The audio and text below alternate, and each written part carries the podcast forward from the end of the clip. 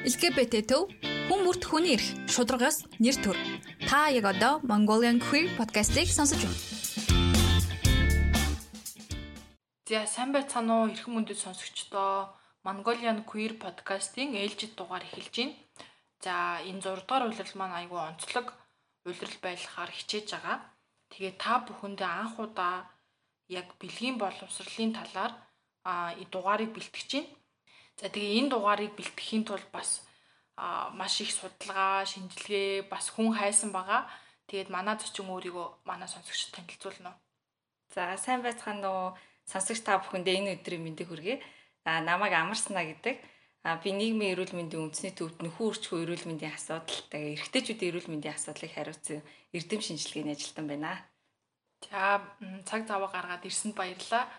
Тэгээд өөр өгөөчтэй подкаст болох бах. Та бүхэн бас энэ дугаарыг заавалчгүй сонсоод зөв мэдээлэл аваад найзуудтай түгээгээрэй гэж хэлмээр байна.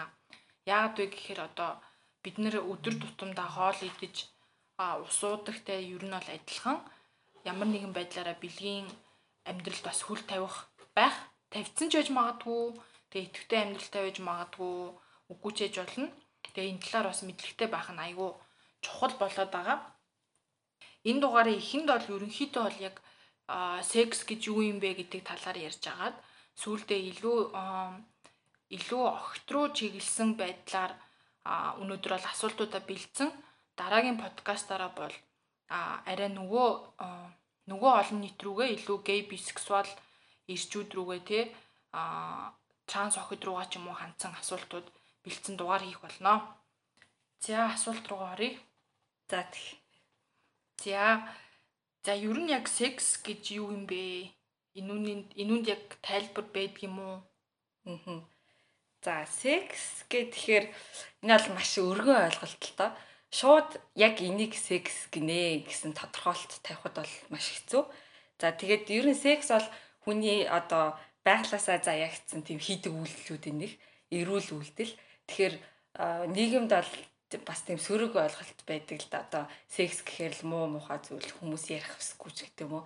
Тэгэхээр ерөөсөө тийм биш. Секс бол байглаасаа заягдсан хүмүүсийн хийдэг үйлдэлүүдийн нэг. А тэгээд одоо хүн болгон сексийг өөр өөр тодорхойлдог тодорхойлдог. Одоо жишээ нь а ихэнх тохиолдолд нийгэмд бол секс гэхээр зөвхөн эрэгтэй эмэгтэй хүн оролцдог гэж төсөөлдөг. А одоо юуны бэлгийн одоо олонхог бол угаасаа эрэгтэй эмэгтэй гэж нөө стрейт гэж явдаг учраас хүмүүс тэрүүгээр нь төсөөлдөг. А тэгэн гутлаа секс гэж юу вэ гэдээ асуухаар хүмүүс төсөөлөхдөө а эрэгтэй хүний бэлэг эргэтэн тэгээ эмэгтэй хүний өтрээ оролцсон тэр харилцааг секс гэж ойлгоод байдаг. А тэр бол мэдээж секс бол мөн. А тэгтээ тэр бол яг нэг үндсэн төрөл нь. За тэгээ түүн дээр нэмэгдээ дахиад хоёр өөр төрөл байгаа. Тэр нэг нь бол аман секс, тэгээ хоёрт гурав дахь нь болохоор анал секс буюу анусын нөхөр хийдэг секс бол бас сексийн төрөлд ороо явж байгаа.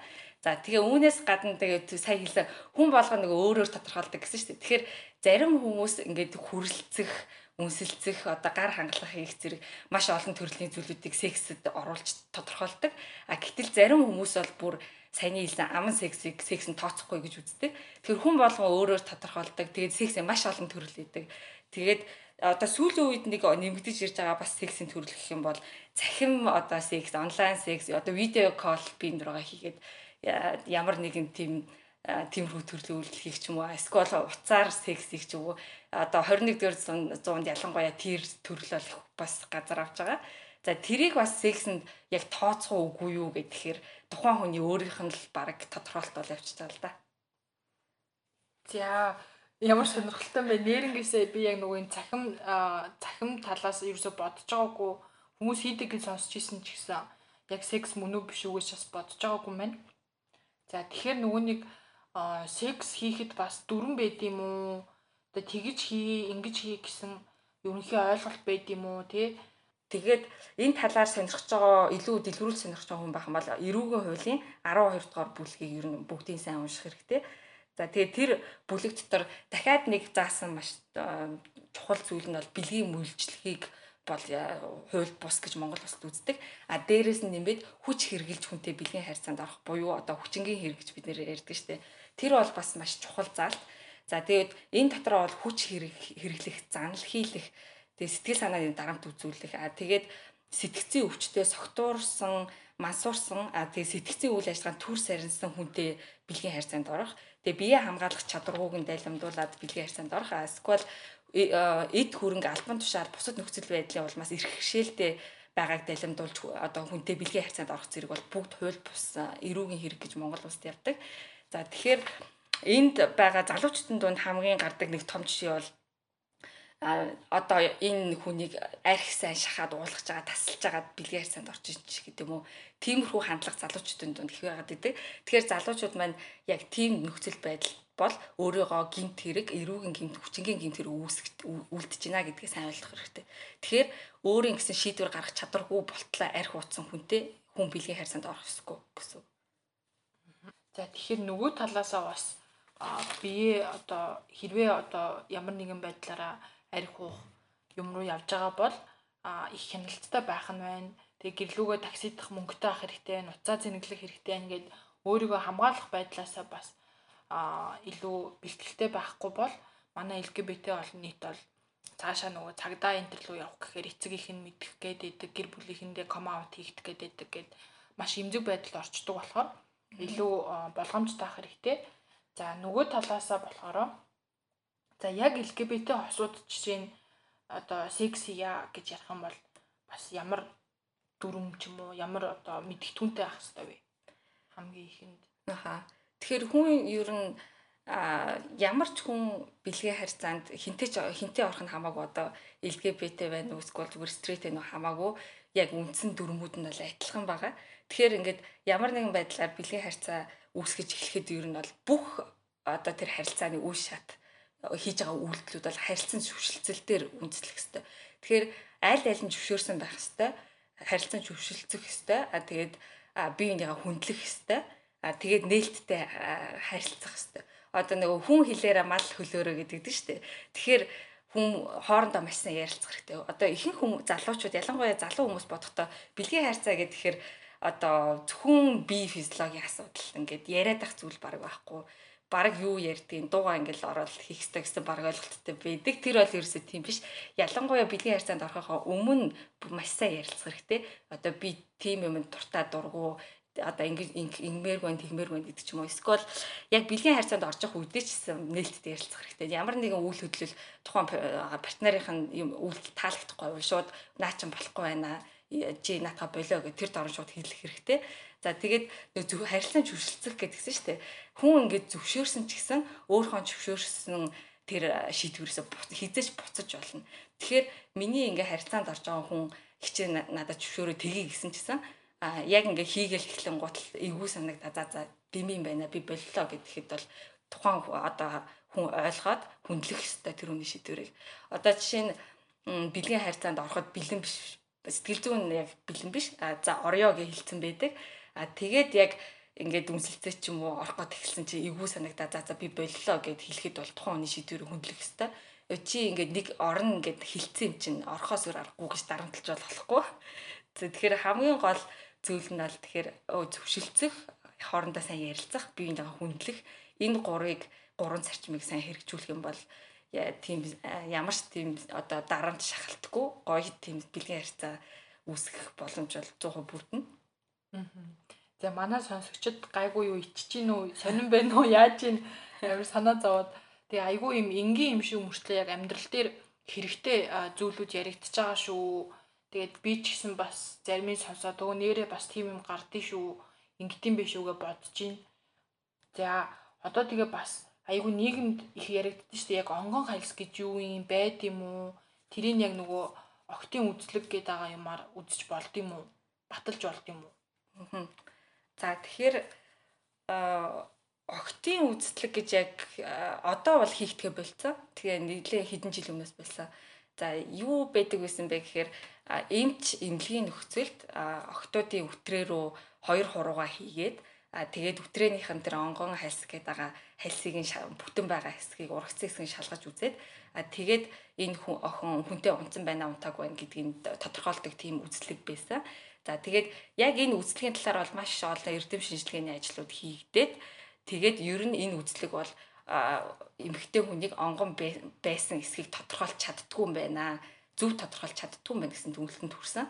За энэ эрдэмтдийн хийсэн одоо судалгаануудын дүнэлтийг үндэслээд нэгдсэн үндэсний байгууллага болон дэлхийн эрүүл мэндийн байгууллагаас октын үслэгийг хийхийг тийм хоригдсан зөвлөмж бүх тийм гишүүн орнуудтай бол гаргасан.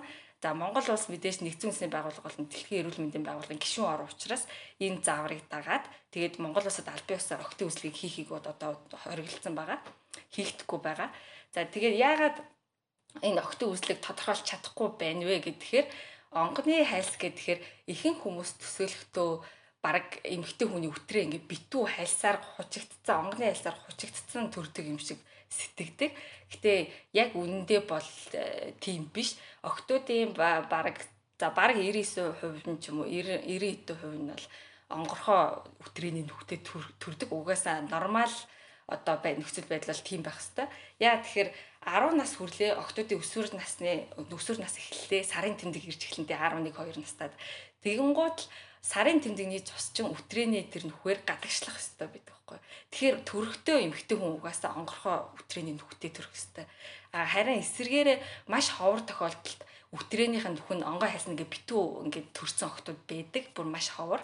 Тийм тохиолдолд бол бүр зайлшгүй эмчтэр очиж мэдсэслийн аргаар тэр нүхийг онгойлох хэрэгтэй. Яа тэгэхээр сарын тэмдэгнийхэн тус нь гадагшлах боломжгүй болоод бүр ингээд өвчин эмгээг үүснэ гэсэн үг.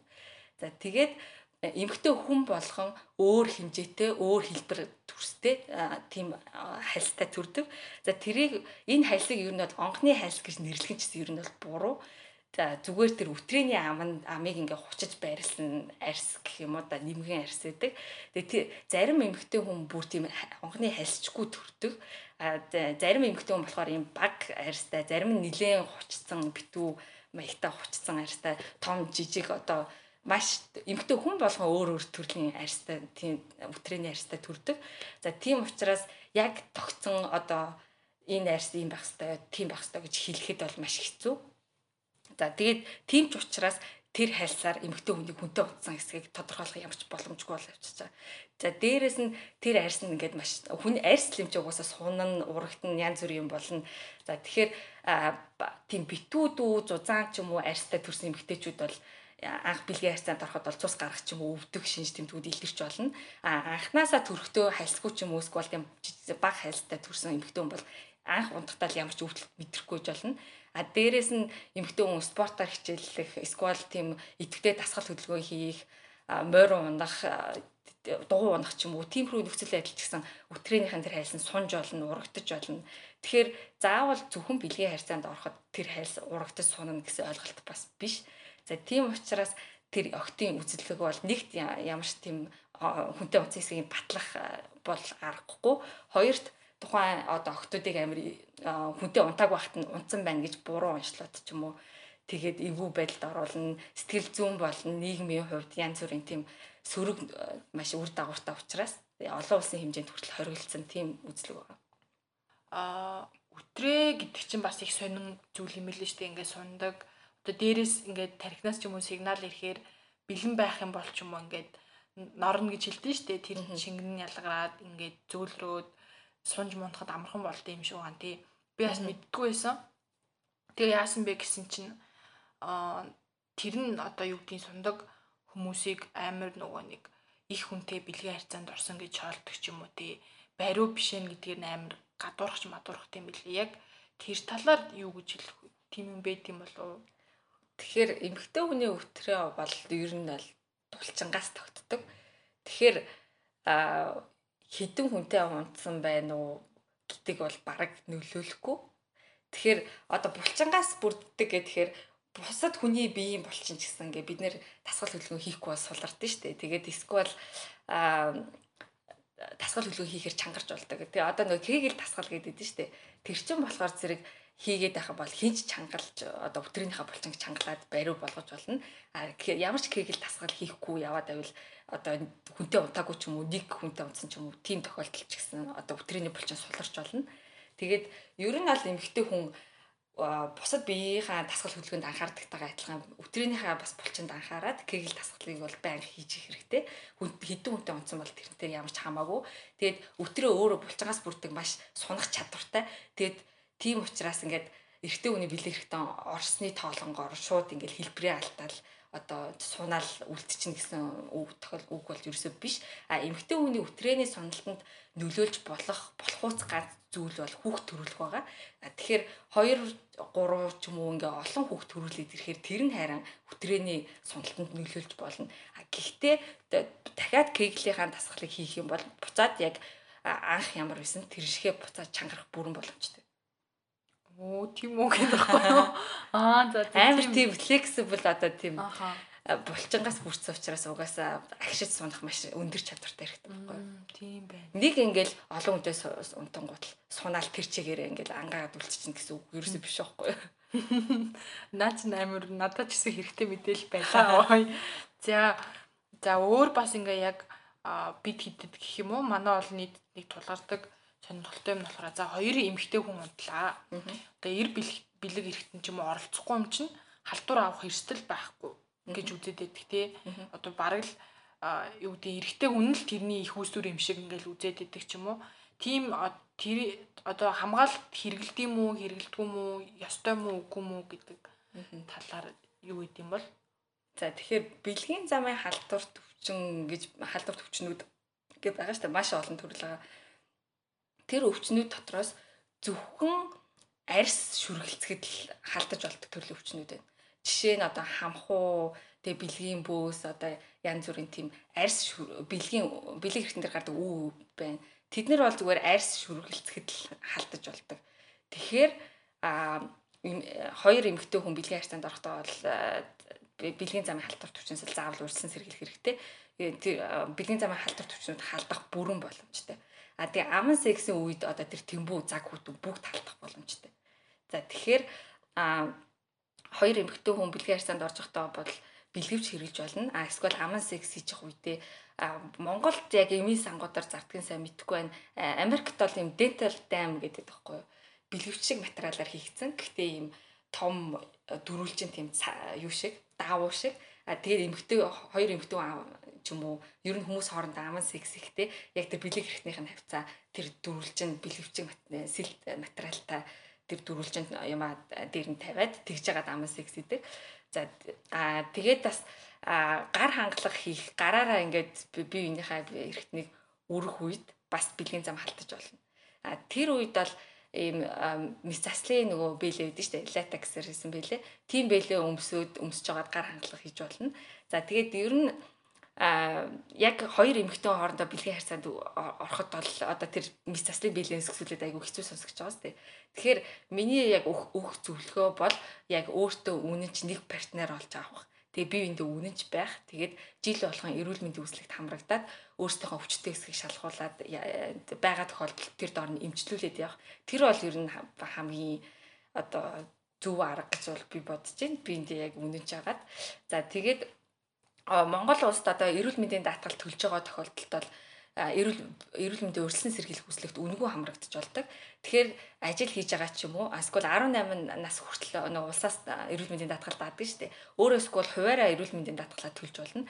Тэгээд даатгал төлж байгаа ямар ч хүн а хувийн имлэг байна улсын имлэг байна хамаагүй тэр даатгалын санд чагсаалтанд нь орсон имлэгтэнд очиод жил болгон бэлгийн замын халдвар төвчний бүх төрлийн өвчний шинжилгээ үнэгүй өгөх одоо эрхтэй байдаг.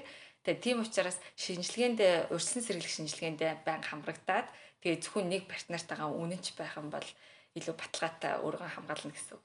А тэгээд яг гоо хүний л амьдрал юм чинь тэгээд нэг удаа нэг шинэ одоо партнертай болох ч юм уу эсвэл нэг шөнийн явдал болох ч юм уу тийм тохиолдолд бол одоо бэлгэвч хэрэглэх эсвэл тийм мис заслын биелээ хэрэглэх ч юм уу тиймэрхүү хамгаалтаа маш сайн хэрэглэх хэрэгтэй. За энэ хүн эмэгтэй юм чинь өвчнгөө ах гэж бодож бол ерөөсө болохгүй. А эсвэл битээр яг ингээл өтрээр үн эрэхтэн орсон ийм бэлгийн харьцаа хийх юм чинь хаалт ямар ч юм халдахгүй гэж бол бодож болохгүй. Бүх өвчин халдах боломжтой. Аа. Тэгээ энэ тал дээр яг уу би бас нэг хідэн вебсайтаас уншсан чинь саяны нөгөө хилээдсэн штэ ийм том Америкт тийм юм зардаг. Тэр олдохгүй юм бол хүнсний гялгарууд гэдэг штэ. Тэрийг хайчилж агаад хийж аман секс хийж болох юм билэ. Тэгээ бас хумсаа айгуу сайн аав гэж хэлдэм бэлээ бид хэд чинь бас гараараа их юм хийнэ гэдэг байхгүй.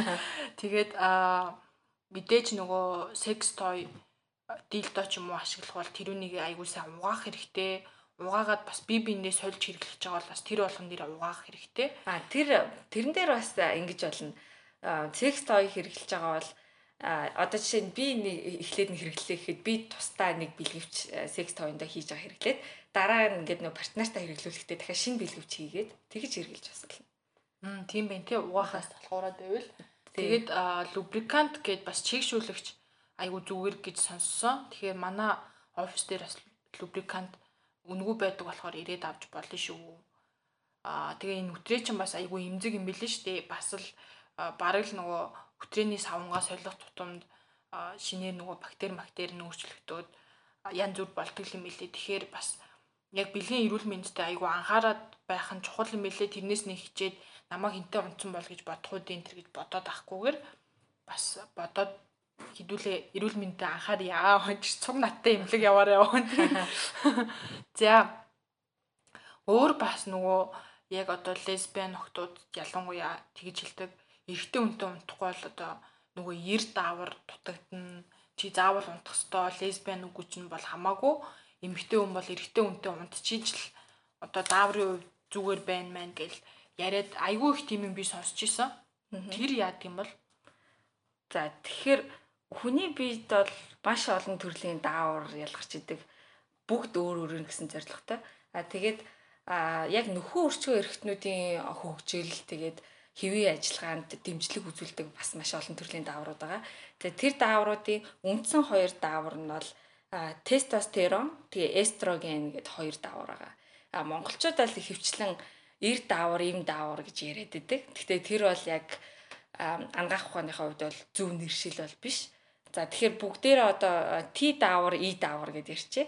За T даавар, E даавар хоёр бол эрэгтэй, эмэгтэй гэлтгүй бүх хүний биед байдаг дааврууд. Тэгэхээр хүн өөрөө тэр хоёр дааврыг биеэс ялгаруулдаг. За эрэгтэй хүмүүс голчлон T дааврыг нь их хэмжээгээр ялгаруулад E дааврыг нь арай бага хэмжээгээр ялгаруулдаг бол эмэгтэйчүүд E дааврыг нь арай их ялгаруулад тэгээ T-г нь арай бага хэмжээгээр ялгаруулдаг. Тэгэхээр хүн өөрөө биенээсээ энэ хоёр дааврыг ялгаруулдаг болохоос биш бэлгийн харьцаанд орж байгаа хүнээсээ энэ дааврыг аавна гэсэн ойлголт бол байхгүй. За эрэгтэй хүний эр бэлгийн эсэнд бага хэмжээний Т даавар бол байдаг. Гэхдээ тэр нь эмэгтэй хүний өтрээнд ороод биений одоо шингээд дааврын үйл ажиллагаа явуулна гэсэн ойлголт бол байхгүй. Эмэгтэй хүн өөрийнхөө Т дааврыг өөрөө л ялгаруулна. За тэгээд энэ хүмүүсийн биеинд байгаа дааврын өөрчлөлт гэдэг нь шүү дээ. Даавар өөрчлөлтөд тэгэхээр янз бүрийн гаж нөлөөнүүд үүсч эхэлдэг. Одоо жишээ нь нүүрэн дээр юм гарах ч юм уу. За бүр хүндрээд ирэхээр хор тавдар үүсгэх ч юм уу. Дааврын өөрчлөлт бол маш олон төрлийн гаж нөлөө хүнд үүсгдэг. А тэгтээ а дааврын өөрчлөлтийг бол дааврын өөрчлөлтөнд нөлөөлдөг хүчин зүйлүүдийн нэг нь бол тогтмол бэлгийн харьцаанд орох байдаг. Тогтмол бэлгийн харьцаанд орсноор хүний дааврын одоо үйлдвэрлэлт арай хэмжээ нэгсдэг. А тогтмол бэлгийн харьцаа гэдэг нь заавал эсрэг хүүстэнтэйгээ бэлгийн харьцаанд орох гэсэн үг ерөөсөө биш. Ерөөсөө хүнд яг ингээд сэрэл хөдлөх, таашаал авах зэрэг мэдрэмжүүд ингээд бэлгийн харьцаанд орох үе төрдөн штэ. Тэр ингээд мэдрэмжүүд төрөөд ирэхээр тархинд сигнал өгөөд тэгээд тэр дааврууд нь хүний биед арай илүү эрчимтэй үйлдвэрлэгддэг. А тэрнээс биш зөвхөн эсрэг хүүстнийхаа хүнтэй бэлгийн харьцаанд орлоо гингуутал даавар нь нэг ихсэлээс юм бол байхгүй. За тэгээд дааврын өөрчлөлт байлаа гэхэд тэрийг бол зүгээр дааврынхаа төвшинг эмнэлэгдэр очиж тогтоолгоод тэгээд даавар эмчилгээ хийлгээ явчих болно. Игцэн байвал бууруулах эмчилгээ хийлгээл, буурсан байвал даавар нэмэлтээр одоо витамин уудаг шиг уугаал тэгээд ингээ эмчлээд явчих бүрэн боломжтой. За тэгээд чиний сайн хэлсэн шиг одоо лесбиан охтууд болохоор эрэгтэй хүнтэй заавал унтах шаардлага болж юусэн байхгүй. Ягаад гэхээр сайн хэлсэнчлэн эрэгтэй хүнээс бол тэд нар даавар авахгүй, өөрсдөө даавраа үйлдвэрлэнэ А тэгээд өөртөө даавраа эмчилгээний аргаарчсан эмчтэй үзүүлээ тэгээд эмчилгээ хийлгээд зохицуулаад явчих боломжтой. А тэгээд бэлгийн харьцаа гэдэг бол дааварт нөлөөлж байгаа маш олон хүчин зүйлүүдийн ганцхан зүйл нь байгаа. Тэгэхээр дааварт бол эрүүл амьдралын хэм маяг тэр чигээр нөлөөлдөг. Эрүүл хооллолт зөв унтаж амарч гинүү, тэгээ сэтгэл зүйн байдал ямар байна, зөв хоолж гинүү, дасгал хөдөлгөөн хийж гинүү гэд тэр бүх амьдралын хүчин зүйлс хүний дааврын дааварт нөлөөлж идэг. Тэгэхээр ер нь өөрөө эрүүл амьдралын хэм маягтай байх юм бол дааврын хэмжээнд бол нэг өөрчлөлт гараад байхгүй. За тэгвэл одоо маш олон бид тэдэд ингээл гайхаал эргэлзээд явааддаг асуултуудыг одоо асуултуудад хариулт өгсөнд маш их баярлалаа. Аа баярлалаа. Тийм манай сонсогчид бас нэмээд таад айгүй их тохиолддог асуултууд байх юм бол бид нөрөө мессежээр ч юм уу чатаар илгээгээрээ ямар нэгэн байдлаараа цуглуулж агаад архин подкаст хийгээд та бүхэнд мэдээлэл өгөхийг бодно. Тэгээд өөр манай сонсогчдод одоо хэлмээр байгаа зүйл байна уу? Заавалчгүй секстэй холбоотой байх албагүй. Аа за тэгэхээр ер нь бол би өөрөө яг нөхөн өрчхөө эрүүл мэндийн асуудал хариуцсан эрдэм шилжгээний ажилтнаа гэж явдаг. Тэгэхээр залуучуудаа уриалж юу хэлмээр байна вэ гэхээр аюулгүй бэлгийн харьцаа, аюулгүй сексийг маш чухалчилж үзэж байгаарай гэж уриалмаар байна. Яагаад тэгэхээр энэ бэлгийн харьцаа гэдэг зүйл хүнд ингээ маш тийм таашаал аз жаргал гой зүйлүүдийг өгдөг ч гэсэн а хэрвээ та аюулгүй бэлгийн харьцаа биш одоо аюултай бэлгийн харьцаа хийгээд эхлэх юм бол маш их өвчин зовлон сэтгэл зүйн тийм асуудлуудыг хүнд авчирч ирж болдог. За тэгээд аюултай бэлгийн харьцаа гэж юу хэлээд байгаа юм бэ гэхээр за эсрэг хүүстэнтэйгээ бэлгийн харьцаанд ордог хүмүүсийн хувьд бол хүсээгүй жирэмсэлтэй байна. За тэгээд бусад бүх хүмүүст хамаатай хамааралтай зүйлгүүл бэлгийн замын халдварт хүчин байна. За дээрэс нь сэтгэл зүйн ямар нэгэн одоо сөрөг үр нөлөөнүүд байна. Тэгэхээр энэ бүгдийгээ сайн бодолцож үзээд одоо энэ хүнтэй харьцаанд ороход би өөрийгөө бэлгийн замын халдварт хүчнээс хамгаалж чадчихэв үү? Хүсээгүй жирэмслэлтээс хамгаалж чадчихэв үү? А эсвэл би сэтгэл зүйн хувьд ямар нэгэн шархтаа үлдэх гээд байна уу? Энэ бүх талаараа бодож үзээд өөрийгөө хамгаалаад тэгээд байнгын аюулгүй тийм гоё дандаа тийм гоё таашаал машаал авдаг бэлгийн харьцаанд орж байгаарай гэж уриалъя. За баярлаа. Тэгээд сүүлийн өгүүлбэр нэг таалагдлаа. За за. За тэгээд мэдээлэл авсан бүх хүмүүстээ баярлалаа а цааш цааш нь түгээгээд хүн болгонд бас илүү юм аюулгүй бэлгийн харилцааны талаар мэдээлэл түгээгээрэй гэж хэлмээр байна. Асуултууд авж байгаа шүү.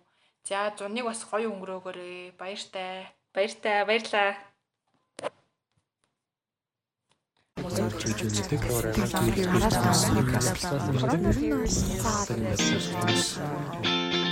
LGBT төв хүн бүрт хүний эрх шударгаас нэр төр. Та яг одоо Mongolian Queer podcast-ийг сонсож байна.